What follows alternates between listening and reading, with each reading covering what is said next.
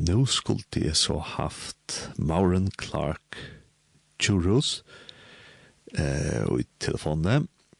Eh, Mauren, er du Hei, Janus, jeg er her. Jo, altså, jeg fikk knappt lige i vast om to etter Mauren Clark Churros, men det er ikke det, eh?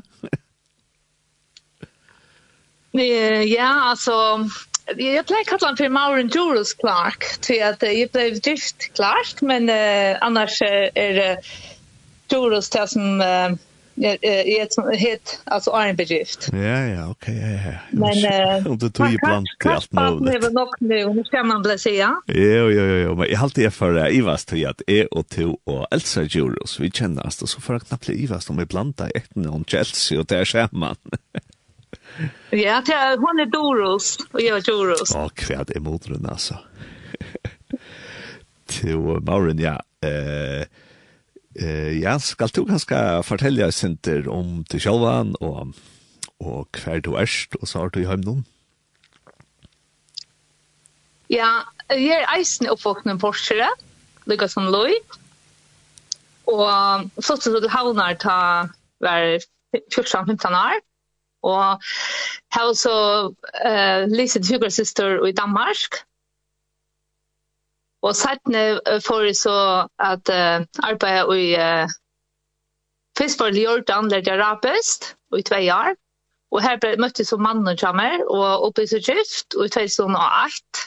Og så at han at her foregår til Mauritanien og til i Nord-Afrika Midtland, Senegal og Marokko. Så det er tett vi er som liv uh, arbeider.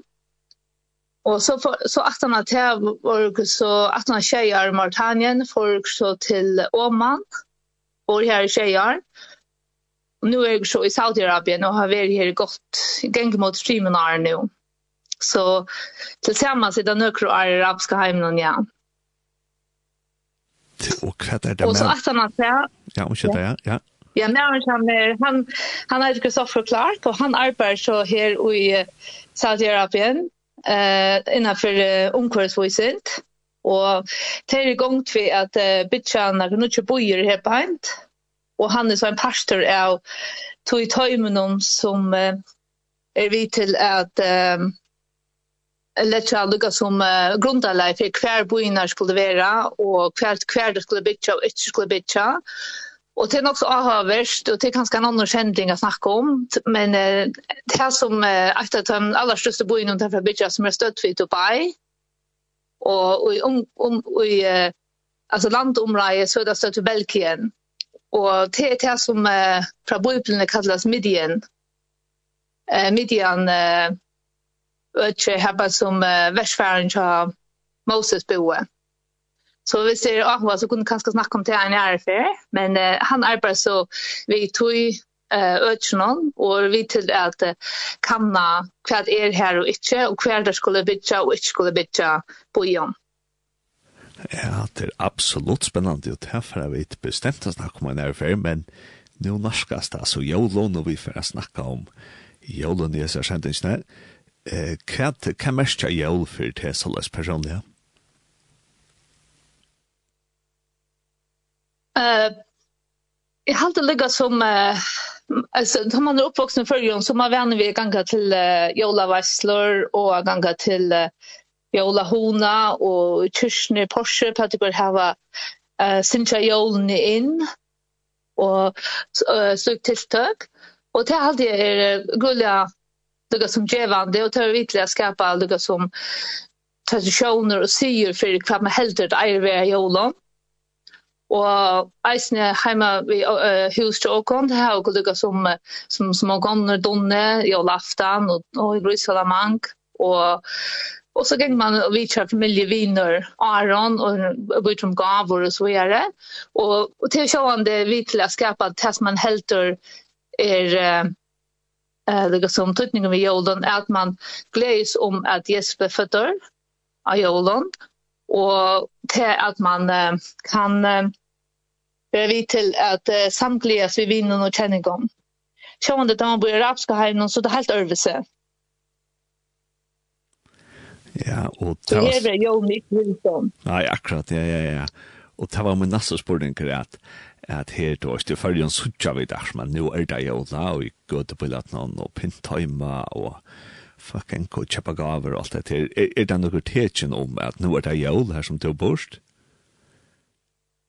Alltså här i Saudiarabien är er, är som så ärsta stora faktiskt att det så läs att för upp till för två månader så gärna så vet jag allolot att ha jolla pet ett land näka som det ser här religiöst och då och tacka så vara jola trö att det kan vara alltså ta by vi kristendomen och isen vi religion och dem så hinduism det är helt slå till ha något som är man ser religiöst ut här eh kan det hålla det är innanför totalvalt det här så att det så intill för tvärnar så gärna så sa man omgår jola trö när kan sanne att när jola pet och Og det var eisene som så heldig ikke lov å ha det fremme. Og heldig ikke lov å bruke året jól. Så at hvis man skulle snakke om akkur som er eh som man akkurat som yngste det ger til till eller til de har jolarferie så har det eh vetraferie och da man snakker om jolarpynt så så kallar man det for seasonal decoration alltså för jolarpynt när pynt till ta eh ta tog ju också i några men man nämner inte år jul eller christmas. Og, men så för två så är det så brått det där eller det är som så brått men nu är det inte så att man får båt för att ha jula pinses med på maten och vi kommer här för gott fri med när så gärna och Och jag, jag visste gott att det var redan någonting med att slå att häga vi till landet. Och vanliga så huxar man man slår att eh så innan kört här i Saudiarabien så jag var glad mest på inte det kan jag visa mig visst jag absolut inte slå att jag vet men jag har sett det gick klart så det mer inte mer för fra oppflottet faktisk fra Oman i til Saudi-Arabien. Så en av, av ferien han, han får av sted, ta, pakka i teltet som hun bruker til camping, turer. Og det passer så grunn väl vel at uh, jola treje og teltet, det var akkurat som en stund, det er så plastikk eh, jola treje som grava. Og så at det ble så pakket sammen, og kom her på og jeg husker som er til en jolen det kom, så jeg skulle pitta, og sitte det nok så tett vi er vinter. Og så fikk jeg vite at jeg, nei, nei, nei, du kan godt ha det inne i huset nå, men man skal ikke sutte det ut fra. Og så jeg skulle flytte jola treje Og och så haft det heter det Jola Church Jokon som som som var det første året håll håll eh uh, men nu då så blev det mer att nu ser jag det inte. Men det som jag har varit det är att nu till dem hvis man hvis man fer i enas nye store shoppingcenter nå så kan man godt søke Jola Church, man kan søke Sleter, men man ser ikke Jola menn.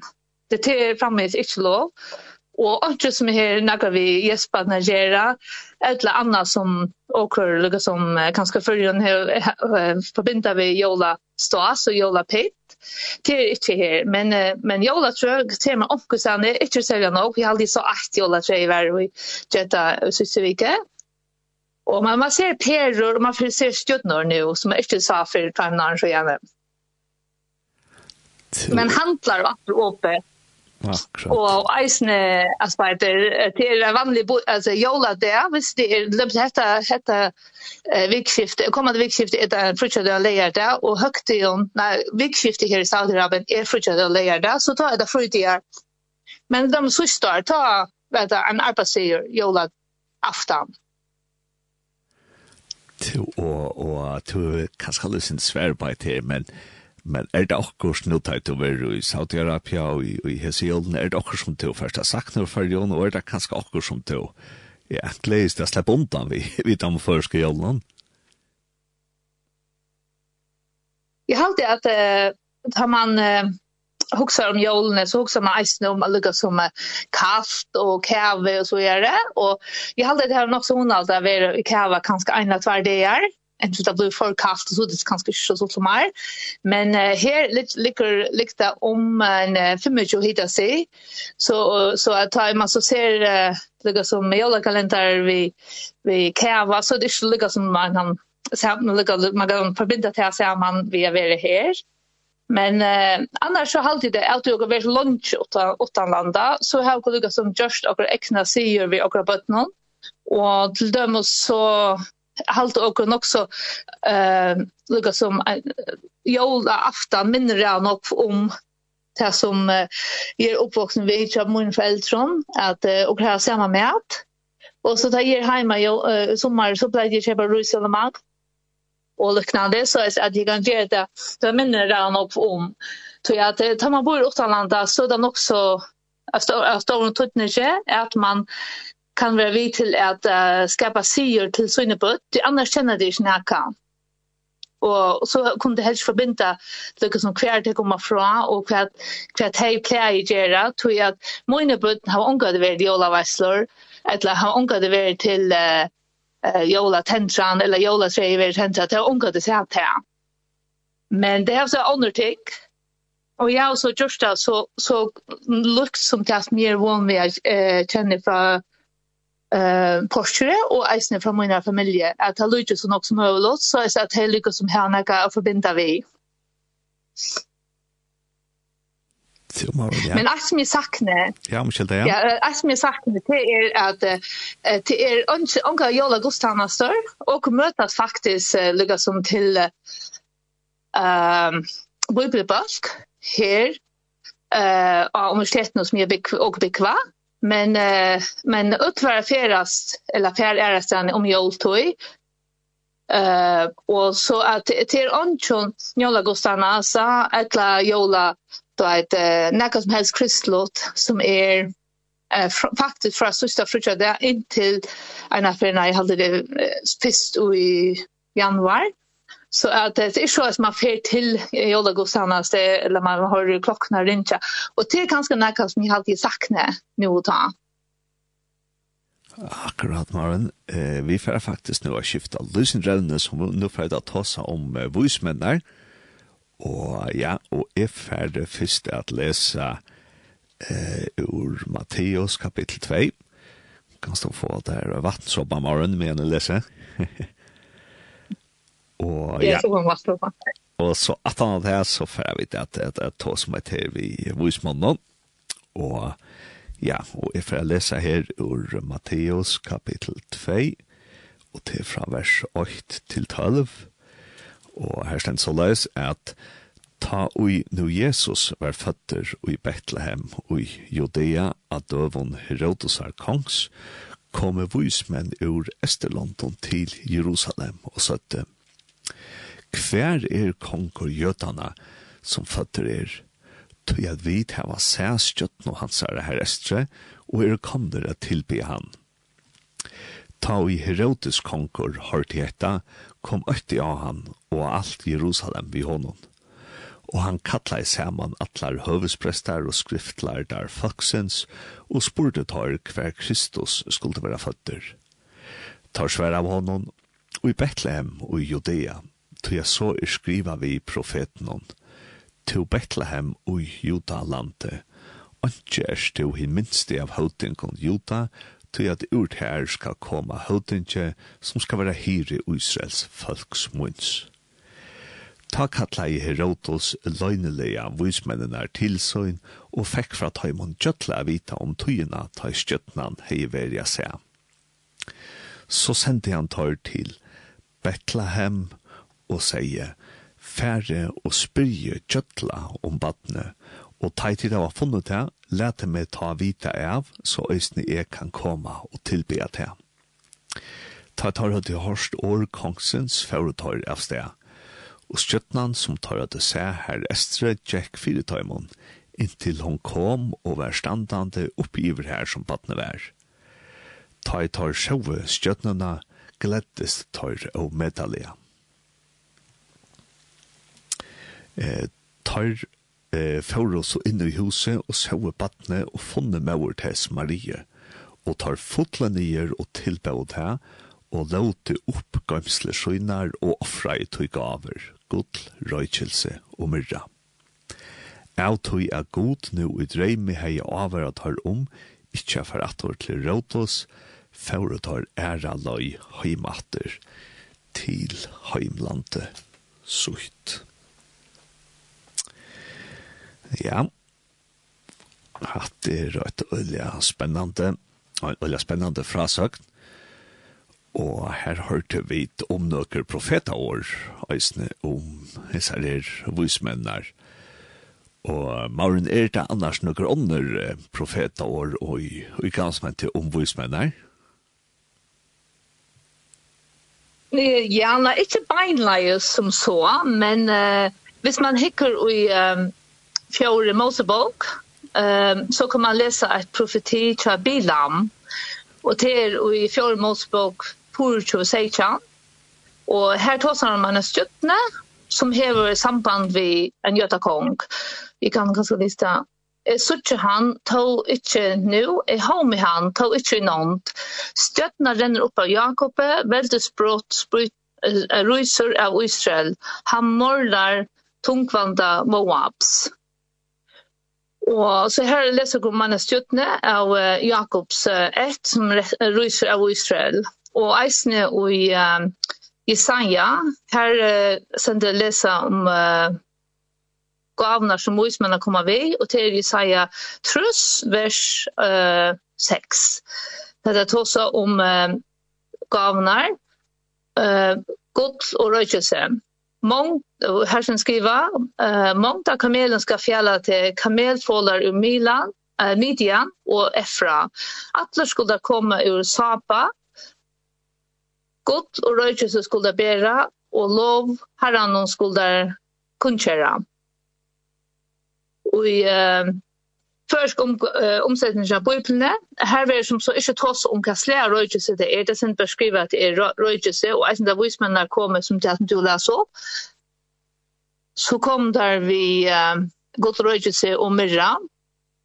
Men uh, og i øren omsetningen, lømse de eneste omsetningene, så var det sagt at røykjøsen som var talen om var frankensens. Og til, til så at jeg slet av røykjøse, og, Og det som det senteret jeg skriver her i Isaiah 6, Uh, Isaiah 6, at det er som kommer ur Sapa, og Sapa er det som uh, enskere kallar for Kipa, og, og høyre eisen om uh, Sapa tog at Eresen sendte uh, greff fra at uh, dronningen av Sapa kom til Salamankong på nok von Gavon, og til at det vil nett å komme nok von Gavons tamma vera tui at det vera nokka nokka goa gaver til rokn vi at uh, Salman hun ikkje nokka gaver annars men til at det vera skriva at hun kom nokka gavon er tekno på at det var fina gaver, arbeidsgaver, ryka gaver og, og så videre, ja.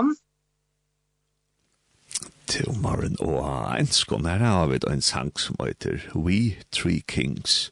Eh, Vismennene var tar konkar, Ja, alltså till lika som eh tas man ganska ont i helter. Att det vis men när våra konkar men eh eh och och ens kunde vara löms jag när chansen och vi två kings. Eh det ju för att jag att låta våra konkar och isen och ens skulle det isen nämnt att att det var match eyes sen sen skulle året och match eye till är eh a flartal or og etta eintal er det majus Og jeg hadde, før kan bruke man ikke som så til året, men danskene de måske, da bruker man det sinte vi at det ligger som uh, spatom og ligger som, uh, eller ensk å si man eisen magi, eller uh, magic, ikke? Så at kan, man kan uh, omsette til dømes, og, og, har brukt og, og, og, og, og, og, og, Och till man kan omsätta det til dem som först kommer skriva voicemen, men det kan være astrologer, ganta kattler kan det isne vara. Och Og det er så nevnt ui på ypne tverfernar, og det ene ferner er det som om gandakatlen Simon, som Paulus sier vi er gjerra, og hinna hin er for en tavernett, er det så tar ta, ta, Paulus er i Paphos, i Kypern, ta möter han eisen en gandakalle som Sergius Paulus, samma navn, men alltså den andra personen. Og året kjøft er ikke hebraisk, kjøften det som skriver i ehm um, som du tar, tannpersen skriver hebraisk om, men matcha er ikke hebraisk år, men det kommer fra persisk om, gamle persisk om året. Og persien eh, er det som vi kallar for eh, Estelond. Så det er grei fra at vismennene kom fra Estelondon, og så er det lukket som Estelond, eh, Persia er så en pastor av det som vi kallar for Estelond. Og Persia er bare eh, kjentur astrologar, det har hukt nok etter studien og så gjør det. Og endan det og det, så er en, til vanlig at de har hukser om persiska flokkvann, så held man alltid muslimer her. Og Men uh, faktisk er en annan religion her beint, som er en minnelig religion, som, som faktisk bygger av astrologi. Og det er ui, det som nu er pastor som er råkna som Iran, og eisen pastor av Pakistan, han religionen er her. Og, det er det, det som sværer til, som åkken han skal umynda åkken av vismennene kan skal være en slags astro astrologer Så det som så tror jeg, um, spår som vis av at vismennene var fra Persien, og som ta, faktisk heter ikke Persien, som hun kaller det, for persiske flokkvann og så gjør det, ta heter pastia til Øtje, så det er eit at, at, at det kommer, kommer herfra, og eisen til at uh, Matjus, til året som vi brukt uh, a greia fra om vismennar, uh, at det er persiskt år, og, og eisen til at uh, at uh, astrologi var så utbrett og i Persien og er framveis uh, symptom, ikke så något som det var ta. Men det, det som eisen er til det at uh, Bilam som uh, gav profetier som er i fjärde Mosebok, han var eisen fra Efra, Efras ånde her, og som er uh, som er der er av Iran og Irak, det er ikke. Så at uh, Eh så det är en stor möjlighet att ha varit härifrån och det persiska öknen eller det som kallas för Pashtia. Men Bibeln säger inte kvar det kom från. Inte beinleios. Och og det er ganske sinte løy at det ikke var uh, sagt hver det kommer fra, tog at folk ikke tar døven kjente vel til det egne grannalånd. Det var som om hvis anker kom fra eller dømmes uh, Holland eller förra så smör man kanske fra vi kom från Europa. Så jag tar att akkurat som en kvar henne det var det man man väntar det att folk att vi vi ser spyr omkring vi ser förra och spyr och kanske det från så ser man kan man ifrån också grejt men det gör det inte. Det så det var från Estland Och men man läser så bara om vismännar i Matteus evangelium. Så man kan eisen gang ut fra at uh, Matteus har hårst søvna omvismennene beinleis fra Marie, til han levde til Maria levde, mamman til Jesse. Og hun er kanskje greit hørst av vismennene skjøtte vi henne at her kommer fra Ester London. Og så sier hun da bare, hvor er vi? Eh, Matteus, at vismennene kommer fra Ester London. Så det er en, en person, en mødleidje. Og, og altså, det er allerhelst vøru fra partiet. Hvor, hvor satt det da så ikke at det kom herfra? Ja. Ja, ehm fast i Jota öknon som som Jerusalem eh var selja sälja selja sälja till Jerusalem kjente parti ordla vel. Faktisk var det så läs at uh, fire kristeføying er fjörde eller nutje tredje en omvänt fjörde eller nutje tredje Kristi föring føying, har gjort det faktiskt eh, pastia eller ta folka seg som bor här som, det är inte samma som Iran, men det är det öche ja til landamørsene brått av løsendør, men til det er ikke. Gjør innras av juta, og det gjør det visser at uh, för det visser, att uh, Herodotus konger och nu så flutcha och han flutcha så till Rom Og partierne eh tog ju ikke så gjort någon som var ta, och det var Hilkantusen med nummer 2, og han skrev ørne av honom, et her skal ørne av honom. Og, og til at, at han er fysisk brek, mest så til at han eisen til at han er lykka som bunnig skår i ørene. Før det visste, han kunne ikke fjerde inn det aller heiligste tempelen som tar bare høvespressen kunne gjøre han. Så det var en stor som vann ära för jötarna att här gjorde det och eisen till att det kom tors i vår eh, Jerusalem. Och men så att han tror jag så klarade romvärarna så kom attor och att bärga partierna och tog sig judea attor. Och Herodes blev så attor konkor och insätter att vara konkor attor och juta öksenom. Og så självande hvis du vet det rådet sig vita att att vismen var för pastia så råkner vi at han er är väldigt stor där världen og kanskje just noe mer än det til å ta vidt hava sånne kroppespøl her i Europa og Norrland og næs, så er det ofta då det Maria Josef det er jo olja vanlig om klävon og kanskje sinter skiten och skottkläjer. Og så er det vismennene så jævla flott om klævene og sånne figuren og det var. Eh, altså, er, er det så løs at, at vismennene velger å være som konkar og, og finne klævene? Nei, jeg halte ikke at, at, at det er en rett mynd som man hever av tog og till at det vanliga är mer helt med av vismennene våre, vår som klättrar i exotiska och siltkleon vi kanske vi kroni och røyende kameler. men jeg råkner ikke till en, en sånn mynt till at... eh, og eisen ångte så helt man att var lukket som du spurte jo an det var konkar, men helt det kanskje at det var ombåsfolk for det her land som kom. Men det var heller ikke, det man så om at det er langt her ved krutskorsjan, altså for kanskje en 20 og Aron hade vi krutsjuk en annan så jag tycker nej man at här komma som ombudsfolk eller kongar för det här egna land.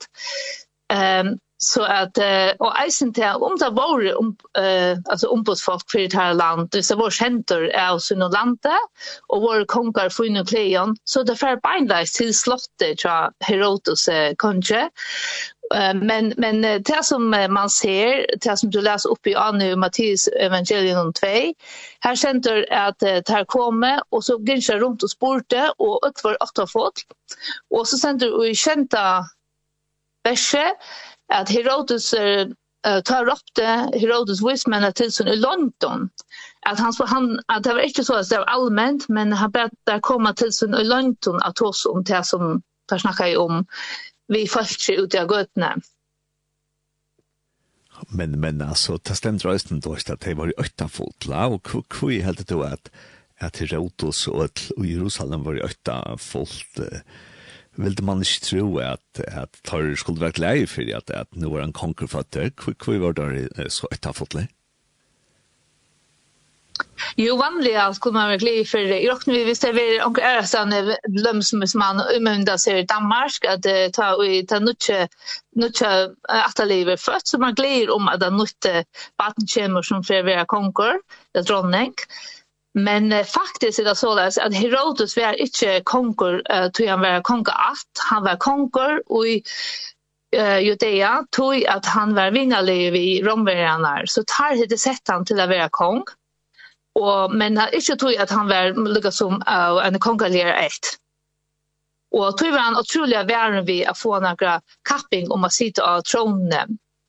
Og, og man vet eisne fra Øron Søvelin Telton, som var skrivet i omtatt togene, at uh, Herodes drep faktisk han kongen som var Arn han, han som var Gjøtakongen Aron, var drepen av Herodes. Og man vet eisne at han drep sin ekne syner, og i år tjej, år Kristus føying. Så det var når jeg halva år rundt Kristus var født der, Jesper var født, så drap Herodos tvær av sin enge son og den andre var så han som skulle ha vært kronprins Rom. Og dette hendte da han var gått til trussen om. Så at så du kan atla lukka atla til at hvis han så knappt høyrt at nu er nutje konger føtter best lukka som en atla tveier atana at han er gripet sin egne soner og nu kommer några utlendingar hvor kommer at uh, och og at lovprose til nutje konger bad som Herodes sjøn visste ikke var hans egna bad så kan man umynda seg at han er veldig eh uh, atrolig vær åtta fotler og vil gjerne vite hva jeg fyrir seg Og til at uh, alt i Jerusalem eh var åtta folk.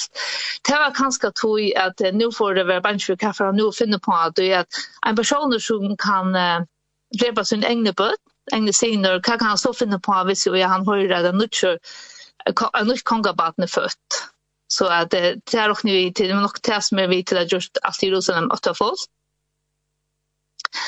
Um, men uh, men lika som eh, så kan man spekulera kvui visst visst hur det ser Herodotus kvar vis men man kommer från att han sa att det är London och det kanske jag att det var lätt i kläder som inte var det kläderna som eh man vantar att uh, folkene fra Persia eller fra Persia eller det och uiladon til ödle långt har lyckats som sin ser kläder sälja ta døven ett eisne her nu at uh, vi ser fer rundt i den arabiska långt her, så vet jeg beina hva folk er fra alt andra hvordan och eh det uiladon så kjøft om det kanske så vestlendingen så ut som alla arabiska män i kviden kjolon, så er det stor monora, eller det er sintra monora, kvärt slä, eller kvärt, kvärt hänkor, eller kvärt er vi eh hang er og som imiske kjolon, och som man vet akkurat kvärt det kommer fra eh, forskning her i i golfen og til det samme och ta dövon så til at Herodes ikke visste at uh, vismennene var fra Persia eller fra Estelondon til nok til at han lett i som folk på Norrlandet kan skam. Ja, og, og her står vi ut, som jeg leser opp, her står at det kommer ur Estelondon, det har vi så snakker syndrom. Eh, vet man ikke om hva vi er, eh, hvis man er ferdig heist?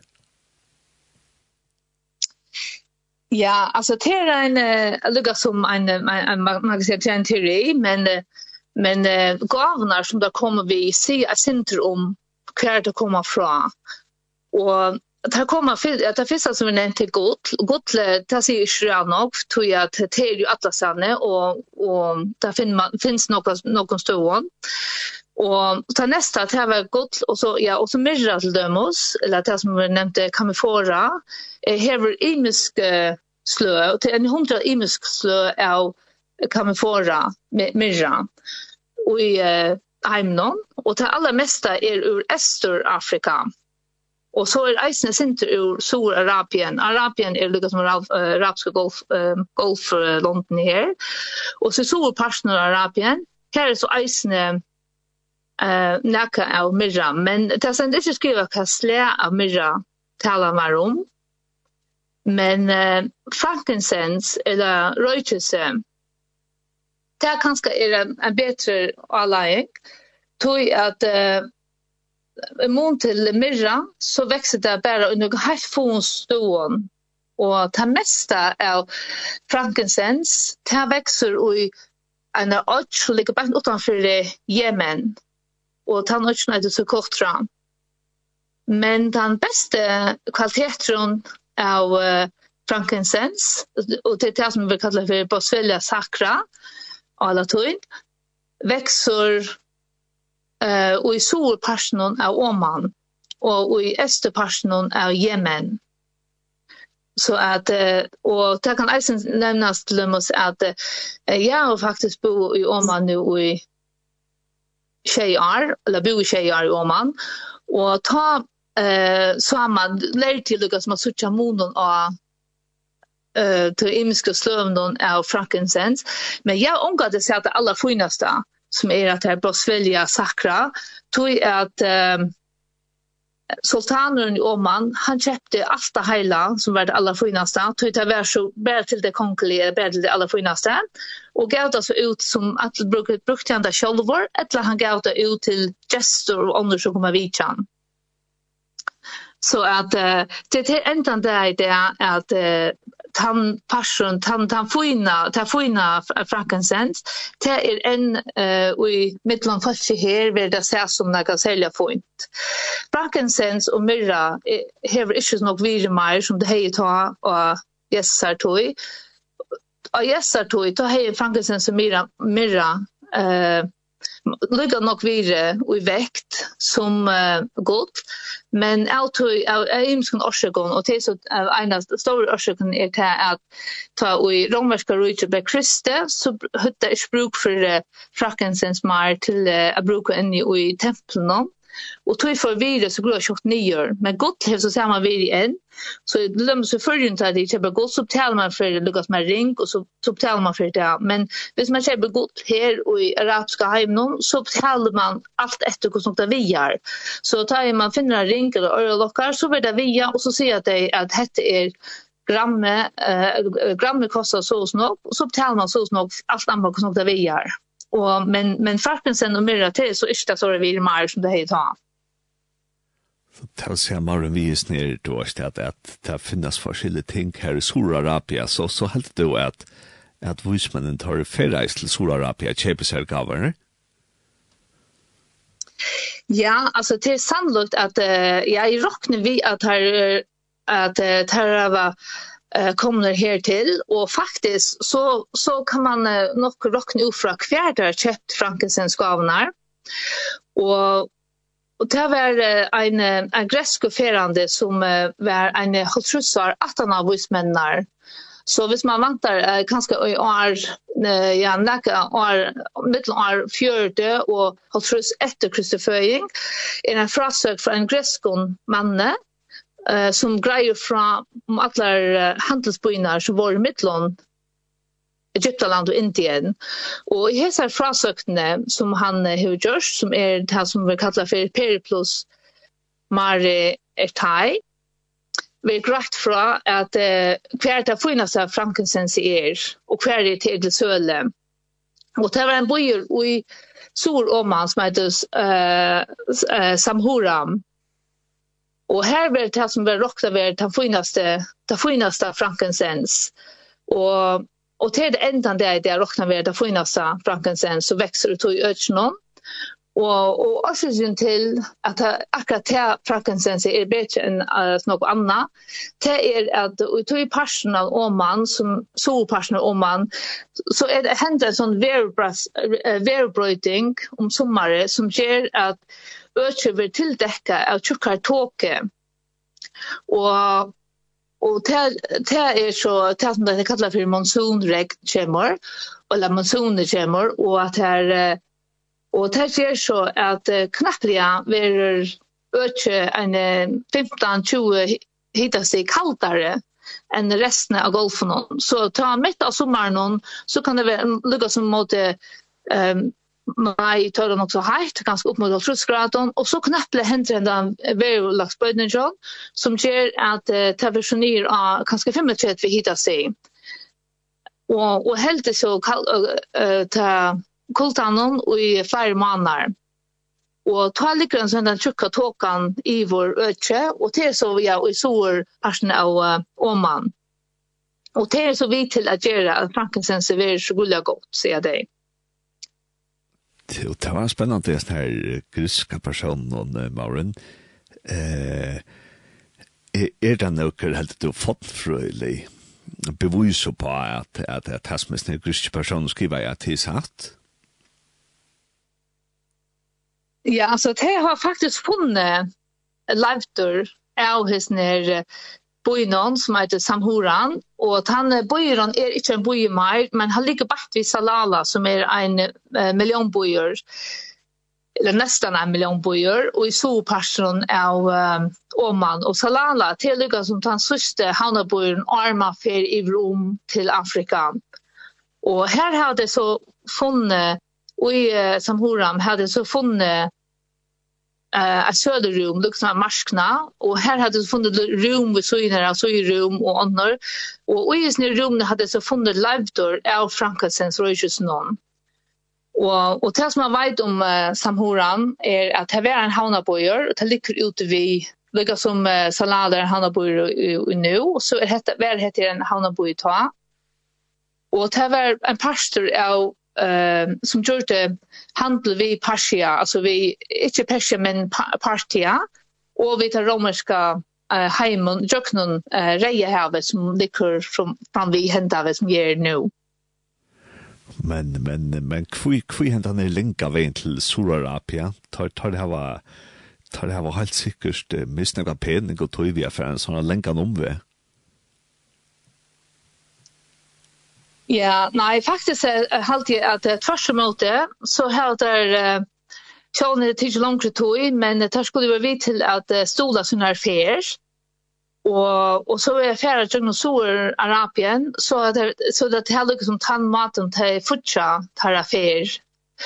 Tog jag att man vet att hvis man kjøper akkurat här som eh tar vi selt och pronalia så kostar det så snog eller han kälta ner men hvis man så säljer de ärsan så får man kanske nog mer för det.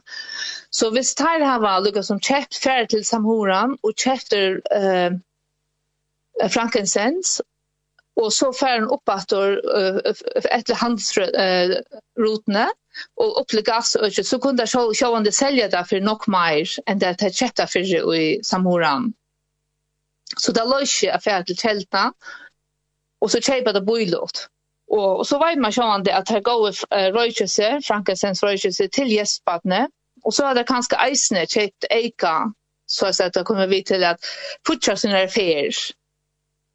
Og til dette, ville vi, dette skulle være nøyot at uh, ferien vil fortsatt på en eller annen måte, at det var privat som man kan gå ut fra, og ikke stole av støttene som, da, som vi snakket om i andre, ja. Mm Og, og vi fra Samhoran til Jerusalem har det nok ferast tann handelsrutan som vi er ta, ferast ur jøknon eh, en boi som heter Musa, som, som er hebas nu og kallar for Yemen og tog i Og, og Yemen venter om han mot i Afrika, hvis man hikker etter i Alandagårdsnon.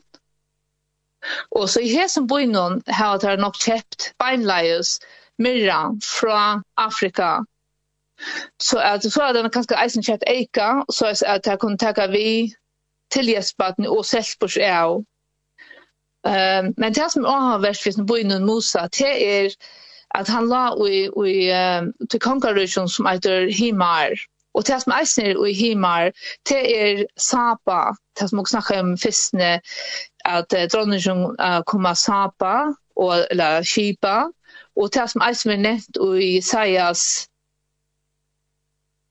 uh, trus sex at uh, at det skulle komme ur Saba ved gott og röjelse det som uh, det tas om hos mennene. Og så Saba ligger i typ samme person som uh, som Musa og som tar konkaruchiroi. Men uh, ferien er ikke inte vantalis eh uh, handave tror jag att till väl alltså man man alltid vet att det är några rövar och ronsmän och att i passion och till showande visst hur man vet att nu för folk till Saudi-Arabien att köpa dorst, gott, röjelse och mera. Och så kommer det gangande upp eller cyklande upp. Vi har sån dyr ting där chat du ska sälja det i Jerusalem eller Arasane. Ja, så har det nog vissa. Så hvis man är en rövare eller man är en bronsmävor så är det här man ska löpa av. Men för att uh, ligga som uh, vantas här så, så tror det visst men nog till att det är en stor uh, parche, en stor färdig eller det som man kallar för karavan. Och, och det, det är man en uh, nu lika som uh, att man vet att uh, ta i skipene färdas fram vi Somalia nu här så färdas handelsskipene samman och i en uh, alltså som det är rätt av dem som färra och så har det här några skip framman och attan så kunde välja dig mot uh, um, piraten eller fjärran där som kommer från Somalien. Mm Og det har man så eisen gjort ta døvån, da har man det bare inn i landen, og da har man så eisen haft vakta folk som er vi og sin store ferie linjen.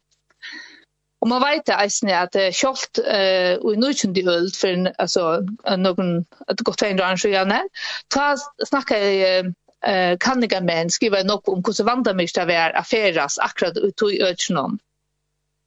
Och og man vet eisne at att det är nog för det er var nog man dittar til isne och rånsmenn. det Jesus tåser isne om det att han tåser om samaribikvann som fall i Ronsman henter.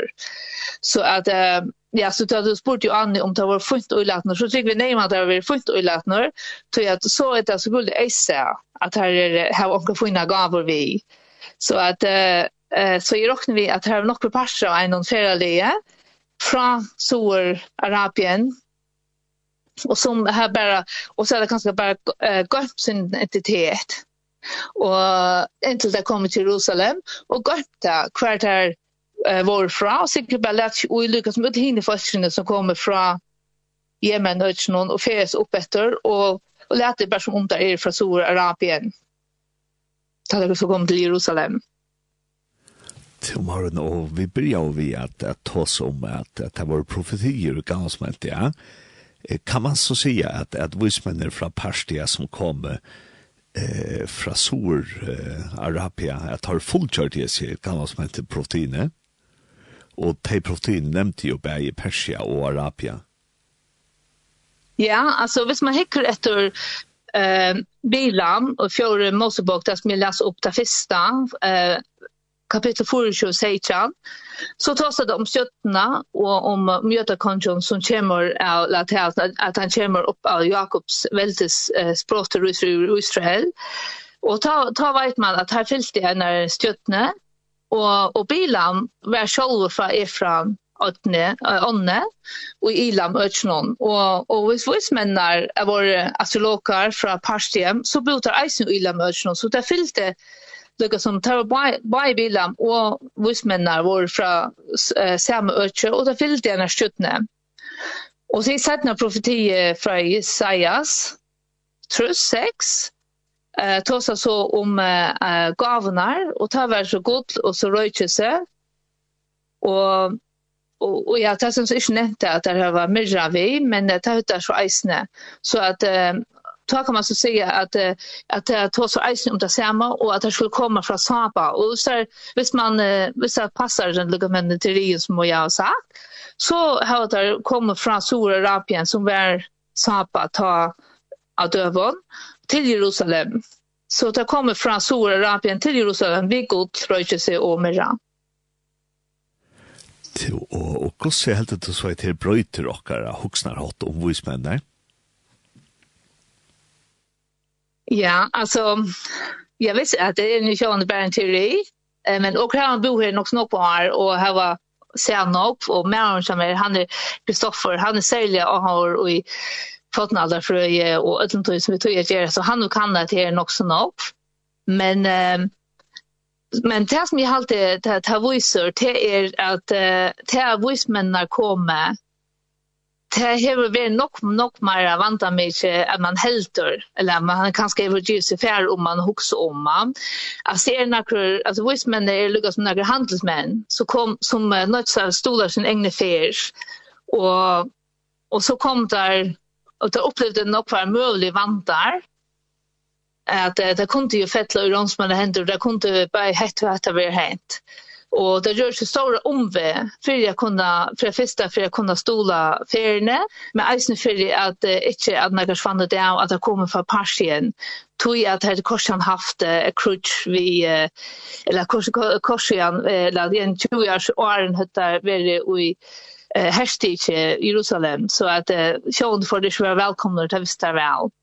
Och men det kommer så till det fortsatta land kan man säga Jerusalem vart ta Judea till att eh att jag var gåvor till gästpartner. Så då kom Georgia så stora stora omvägen och kom och köpte alltså det försäljare där köpte och gavnar och så färdas sig runt och det kan teacher långa toy og sett ikke så självar og i store vanta. bare for Bara för att jag gästpartner og funnet ikke alltid at fyrre. Og og det er så det gjorde det var at det er ganske noen timer vi Jespadnon, Konkana Konkana Konche, det där visste det at att det var några särlåt, till stötnan visste det han var några särlåt, og a lovprisa Jespadnon, og jeg halte det her at da man hokser med sjolvan, så, så må man lukka som uh, tager for egna barm og sier hva er okkur egne, altså min egna offran og lovprysan, eh, det kan sutja så lite ut mot til det som tar gjort det. Jag har alltid eisne att man ofta själver eh tog fram självare och vi räknar nog kunna sammanlikna det vi till själv i eisne att man kommer till Jesus vi att man inte får hetta man inte får hatta och man ber om hetta man ber om hatta. Men uh, faktiskt som man så också en voicemännar så kom där bara geva. Det kom att ge Jesus på den gåvor och så var det här en stort tatuj och så var det sig att det var det enda som det kom till att geva.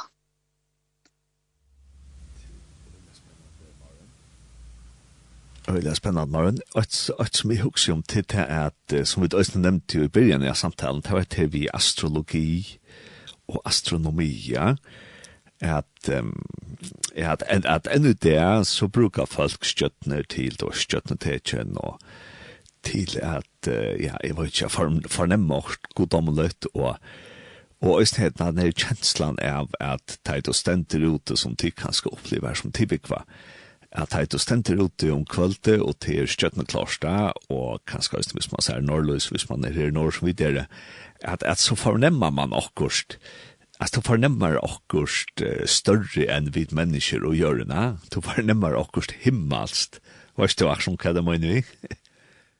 Ja, og jeg halte til at att det är gott att en för man ger sig alltså som så snackar om ju an alltså det jolar resa i alltid det gott att man eisne ger sig stunder att att ganska fjärrongsan här det är mest det är inte gott gott till ljus och hittar vi hemma till att visst det är en man ser ett stötning klors kvöld så så ser man hur hur störst allt är i mun till kan man helt allt är så det är så rätt lätt att hitta sig själv och tills man man har gjort det inte gjort, man det klara inte klara och så vidare så vidare men tar man så huxar om eh himmelen och stöttnar och så långt allt är hur stort allt är och så vidare så har det att göra lite med ett perspektiv till eh, um, faktiskt vad det är det att röra sig om.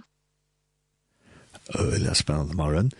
Eh, bare lykke nevna og etter arm vi for at jødar høy vi har når det gjelder helse, så får vi det spennende sang. til å være sort jolapint, som vi sa, og her stod da, wise men still seek Jesus. At det som er vis i det, de søkja, altså stadvekk Jesus, det var nok så stortlig, er som avskrift. Eh, ja, Maren, jeg tenkte om, om du kan har hva sendt en jolahelse og hjem til Ja, jeg skal sende en julhälsa till eh familje och kjenninger, og særlig sälja til foreldren som er Kirsten Olli Hansen. uh, tänker i Havn, Tinkus så og eisen til systern som er Jona og Maria og Jekvann, og til Tara Bøtt, um, uh, og eisen Tara Mekar og Tara Bøtt, uh, Ole, Ria, Jon Lias och Silverlöj. Og eisen annars til uh, uh, viner kjenninger og familie i Porsche, i Havn, Klaksvig, og Tørere. Og så er det sen i følgen eisene. Og ja, jeg hadde eisene at uh, jeg ble eisen sitte og lurte ofte til lintene. Og jeg hadde øyla godt at man kan lurte nu av netten. Og ikke sen jeg til kunne eisene enn uh, jålhelse og ikke en gledelig jål og godt nyttår. Mm. Ja, som Leis Maren, nøysene til mannetjatter som vi også kjenner og bøttene. Og vi får så at spille en sang som to ringst, og til så vi Three Kings, og til Øyland Ekvøy, og vi tror vi til som vi tar snakke om nå, med en damen. Så, så alt er best av. Ja, takk for det. Yes. Det går mat av Janus. Og så har vi den denne sangen, som heter We Three Kings.